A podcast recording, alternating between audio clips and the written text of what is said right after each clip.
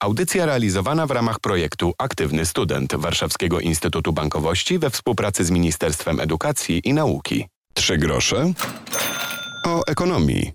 Dzień dobry, Piotr Topoliński. Z nami dziś jest Urszula Jóźwiak, prezeska zarządu Fundacji imienia XBW Ignacego Krasickiego, organizatorka konkursu Pracodawca Godny Zaufania. Dzień dobry. Dzień dobry. Rozmawiać będziemy o tych pracodawcach godnych zaufania, bo zastanawiam się, co to zaufanie daje Zaufanie daje dużo, mhm. e, szczególnie w tych trudnych czasach. E, najlepiej to pokazała pandemia, bo ci pracodawcy, którzy od lat inwestowali w swoich pracowników, o nich dbali w skrócie. Potem z tymi pracownikami byli w tych nawet najgorszych czasach dla pracodawców. Tak? E, I to widać najlepiej było, moim zdaniem, przy małych i średnich przedsiębiorstwach, e, kiedy to te firmy naprawdę stawały się w trudnych sytuacji, czasem miały problemy z wypłacalnością w jakimś zakresie, a pracownicy byli z nimi, tak? Byli z nimi niezależnie od wszystkich, zgadzali się czasami na pomniejszenie swoich wypłat. To takie, można powiedzieć, drastyczne rzeczy, ale, ale tak. Albo na przykład e, część e, pracodawców musiało zrezygnować z pewnych benefitów dla pracowników w tamtym okresie, tak? Bo wiadomo, że najpierw, jeżeli chodzi o cięcia, no to e, rezygnuje z się z tych dodatków, tak. Czy to dla pracowników, czy to, nie wiem, z reklamy, czy z innych takich rzeczy, których nie zawsze są aż tak niezbędne do funkcjonowania firmy.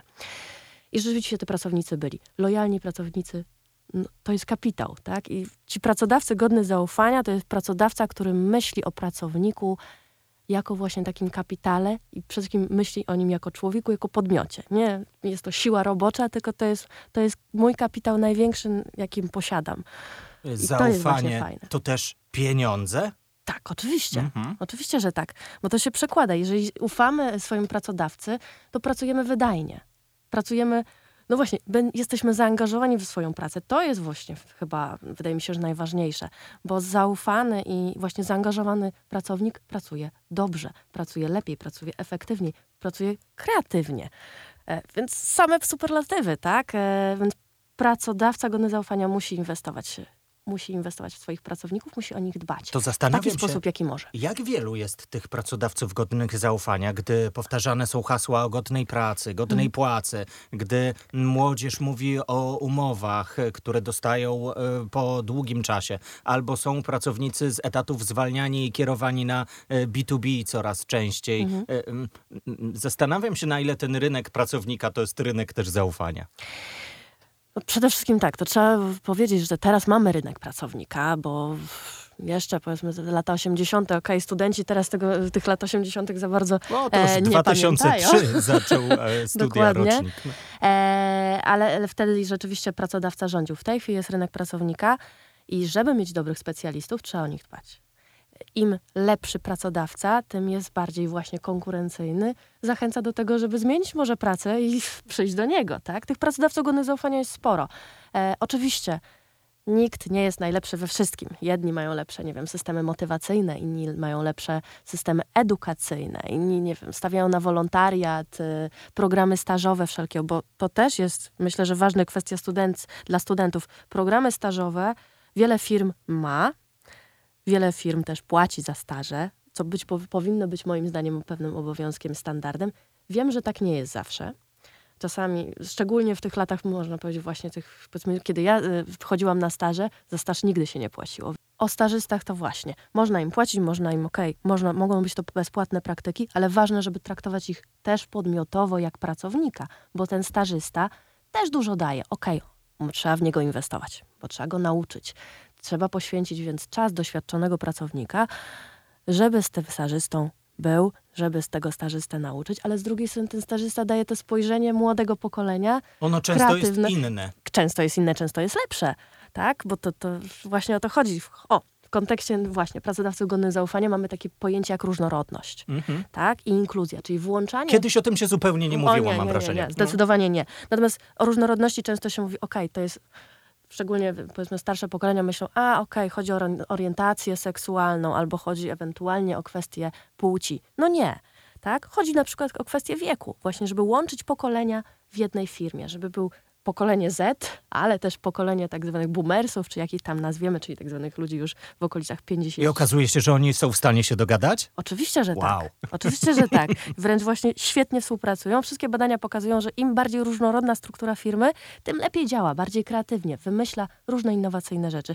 Bo trudno mówić e, na przykład firma, która ma usługi dla pokolenia Z też. Mm -hmm no jeżeli wymyśla bez nich, jeżeli dla pokolenia Nic Z... o nas bez nas. Tak, no dokładnie. Jeżeli wymyśla 60-latek dla Zetki, no to Efekt może Efekt być może być słaby, ale jeżeli wymyślą coś razem, to będzie to ok. Będzie miało ten know-how, będzie miało to doświadczenie tego pracownika 60-letniego, ale już trafi do tego pokolenia jak trzeba, jeżeli z tym pokoleniem Z będzie, będą to robić. Na co jeszcze zwracaliście uwagę w konkursie? Co was przekonywało w których kategoriach? Znaczy tak, mamy kilka mhm. kategorii. Było ich osiem. Ostatecznie w kategoriach e, nagrodziliśmy w sześciu kategoriach e, e, laureatów, bo nie, wszyscy speł- nie wszystkie ankiety spełniały odpowiednie wymagania, nie, nie, nie były zgodne, że tak powiem, z regulaminem, etc., etc. Natomiast nagrodziliśmy w programach stażowych chociażby Bank Gospodarstwa Krajowego, e, w rozwoju cyfryzacji Link 4, czyli właśnie w tych rozwiązaniach chmurowych, edukacyjnych. Oni świetnie, naprawdę zrobili świetny program dotyczący właśnie jak wdrożyć e, swoich pracowników w te, w te kwestie nowych technologii, właśnie związanych, edukowali ich bardzo mocno, więc rzeczywiście to było fajne. E, Polska Grupa Energetyczna została nagrodzona w kategorii Lider ESG za całą strategię ESG. Teraz to jest takie dosyć modne pojęcie. Chodzi no, gorący o pewien, temat. Tak, gorący temat zrównoważonego rozwoju, można tak to nazwać. Mm -hmm. W edukacji KGHM Polska Miedź właśnie w kontekście szkolnictwa branżowego, szkolnictwa zawodowego. O którym o jeszcze którym, zaraz tak, powiemy. Na tak pewno jest. tak, bo mieliśmy specjalnie po to debatę. Motywacja to był Bank PKO BP. Mhm. Naprawdę dużo fajnych systemów wymyślili. W zakresie wolontariatu totalizator sportowy ale słyszę e, cały czas, że to są duże firmy i zastanawiam się, mm, na ile godnym zaufania może być e, ten, ten mały, a wyróżniony przez wielkich. Powiem tak, e, mały na pewno może być, czasem są lepszymi pracodawcami niż ci duzi. No tak, ze gdy względu mamy na ten mniejszy, ludzki... bliższy tak. kontakt, a nie jesteśmy wrzuceni w korporację Oczywiście, że tak. Natomiast wiadomo, że te małe i średnie nie Aha. zwracają się do takich konkursów jak okay. my aż tak często, bo po pierwsze być może nie, mamy, nie mają czasu na to, żeby napisać taką ankietę. No tak, no bo trzeba robić. trzeba no, robić, prawda. trzeba robić, dokładnie trzeba mieć osoby. Duże firmy po prostu mają osoby, które mm -hmm. zajmują się chociażby ten dział HR tak zwany i no oni tak. wypełniają tak, tego typu zgłoszenia. E, do małych i średnich właśnie chcemy trafiać poprzez ten konkurs, żeby pokazywać, jakie są wzorce, co robią ci duzi mhm. i z czego mogą skorzystać ci mali, tak? Bo to nie jest tak, że to jest tylko dla dużych. I wydarzeniu towarzyszyła debata poświęcona szkolnictwu zawodowemu. Okazuje się, że są branże, w których cały czas brakuje specjalistów. Tak, oczywiście. No przede wszystkim budownictwo to jest jakby kluczowe, ale też i lotnictwo, tak chociażby pracownicy lotnisk e, nie wiem, wszystkie tak naprawdę techniczne gdzieś zawody, tu brakuje specjalistów. Rany, jak Mamy to jest? bardzo dużo studentów zarządzania. Ja pamiętam, jeszcze 15 lat temu się mówiło, gdy się nie będziesz uczył, to pójdziesz do budowlanki. I to było trochę jak takie przekleństwo e, wysyłane przez niektórych nauczycieli, a przecież okazuje się, że to oni są potrzebni na rynku pracy, a e, absolwenci zarządzania bardzo często muszą szukać e, nowej ścieżki albo wykorzystywać swoje umiejętności trochę gdzie indziej. No Choć oczywiście w Osób do zarządzania również. potrzeba mm -hmm. trochę, tak? Ale okay. trzeba mieć kim zarządzać, trochę też. to I, prawda. No, no, najlepiej to widać, jeżeli próbuje się na przykład coś zrobić w domu i zamówić odpowiedniego specjalistę chociażby od hydrauliki i okazuje się, że czeka się dwa miesiące o, albo i prawda. trzy. E, no, więc tu jest najlepsze jakby pokazanie tego, że potrzebujemy tych specjalistów od zaraz i oni są dobrze wynagradzani. Żeby... Gdzieś jest też medycyna, farmacja. Tutaj tak, e, patrzymy na tak. studentów e, kierunków e, medycznych. Czekamy, aż skończycie studia. Tak, zdecydowanie. No, ale to, ich za mało. To też, też jest tak, kwestia, że... może nawet nie tylko mm -hmm. lekarzy, nie mówmy o lekarzach, ale pielęgniarki, technicy. O tak. tak. Jeżeli Czy... mówimy o szkolnictwie zawodowym, naprawdę techników bra brakuje, też laboratoryjnych, etc. No, Jakby... To jest tak, że my teraz apelujemy, młodzież pójdzie albo nie do tych szkół, i zanim tego mm, absolwenta przygotuje się do pracy, to my jeszcze przez kilkanaście lat będziemy bez tych specjalistów, o których teraz apelujemy.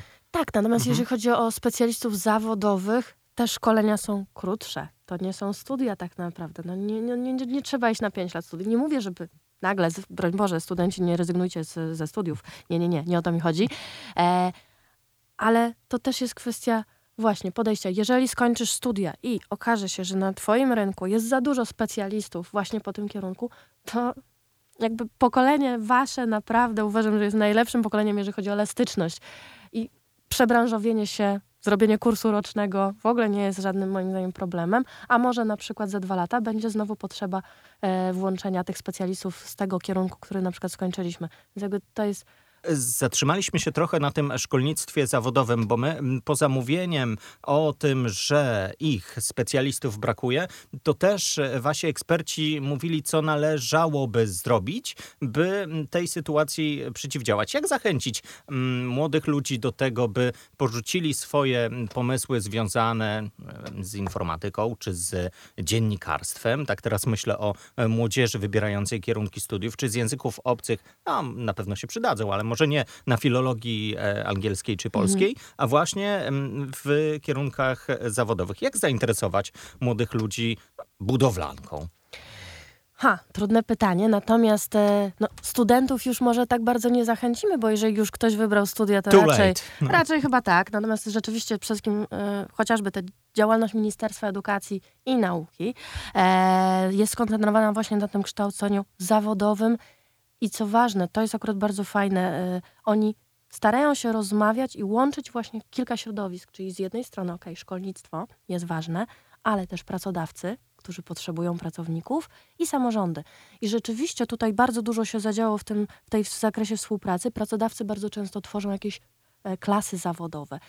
Dają swoich e, pracowników, specjalistów, którzy kształcą w takich właśnie szkołach zawodowych, klasach zawodowych tworząc jakby ten program taki, żeby właśnie wykształcić tak naprawdę swojego własnego pracownika przyszłego. Chyba sporo też daje taka wizyta yy, na zakładzie no, oczywiście, i kontakt że tak. z zawodem. Oczywiście, że tak. No i właśnie rozmowa z tymi, którzy tam pracują, żeby dowiedzieć się od podszewki, o co tu chodzi, bo okej, okay, możemy powiedzieć sobie zawód górnika, no tak, mamy jakąś wizję czarnego, czarnego człowieka w tym zakresie oborasanego tym węglem, e, który z, pracuje w bardzo trudnych warunkach, ale w takim na przykład KGH, KGH nie pracują tylko i wyłącznie górnicy, tak? To jest bardzo szerokie spektrum ludzi, którzy tam się zajmują, nie wszyscy są na dole. Nie mówiąc o tym, że e, wspomnieliśmy o tym, e, to są branże, które czeka ogromna transformacja, tak. jeśli chodzi o jakieś takie zielone myślenie, wolniej, dłużej, rok 40, mm. 49, okazuje 50. się, że tak, że, że, że to e, brzmi e,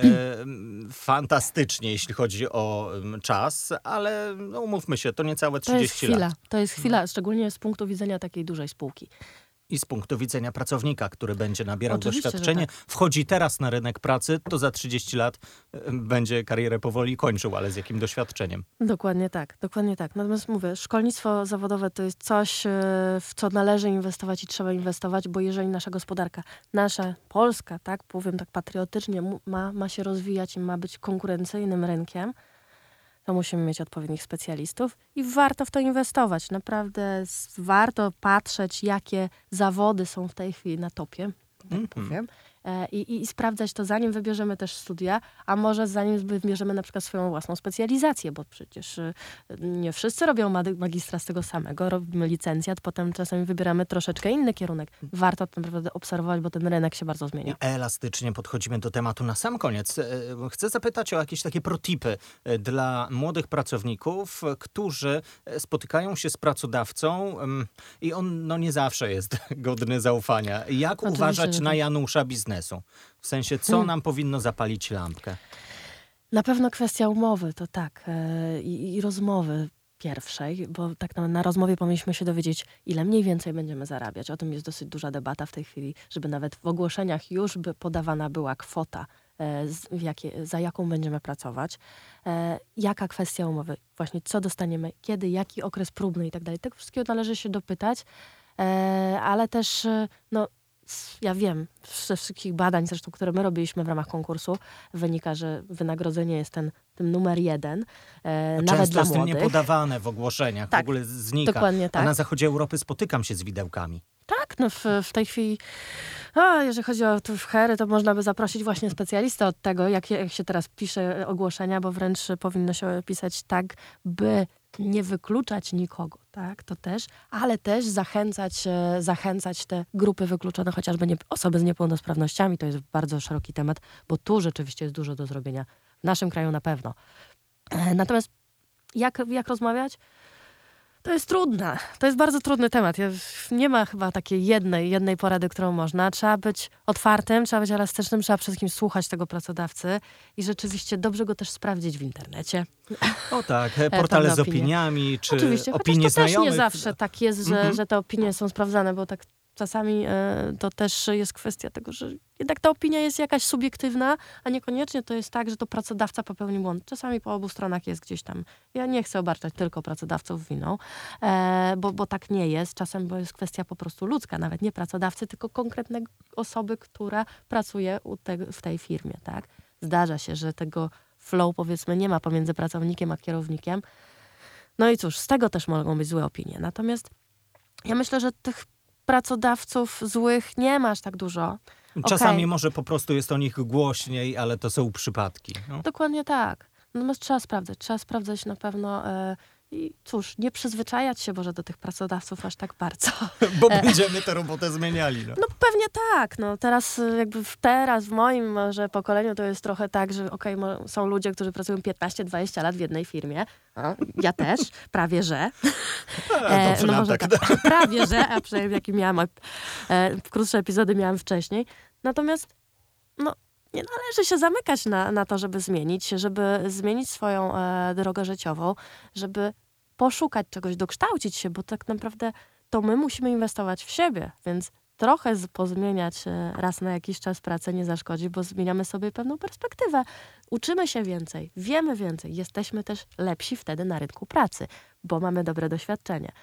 Mówiła nam Urszula Jóźwiak, prezeska zarządu Fundacji imienia księcia biskupa warmińskiego Ignacego Krasickiego, współorganizatorka konkursu Pracodawca Godny Zaufania. Dziękuję za to spotkanie, za te wszystkie wskazówki, bo to też myślę naszym słuchaczom może pokazać um, jako, jakieś światło, jeśli chodzi o szukanie dobrych, godnych zaufania pracodawców. Ja bardzo dziękuję za zaproszenie i cóż, proszę świecić na przykład pracodawca godny zaufania.pl, nasz portal, w którym nie tylko jest o konkursie, ale też o różnych właśnie pracodawczych sytuacjach i różnych radach. Piotr Topuliński, dziękuję za e, wysłuchanie tej audycji. Przypomnę, trzy grosze o ekonomii. Wracamy w przyszłym tygodniu. Wracamy też z podcastem. Zachęcam do śledzenia w swoich ulubionych aplikacjach z podcastami. Jesteśmy tam, będziemy i byliśmy. Do usłyszenia. Audycja realizowana w ramach projektu Aktywny Student Warszawskiego Instytutu Bankowości we współpracy z Ministerstwem Edukacji i Nauki.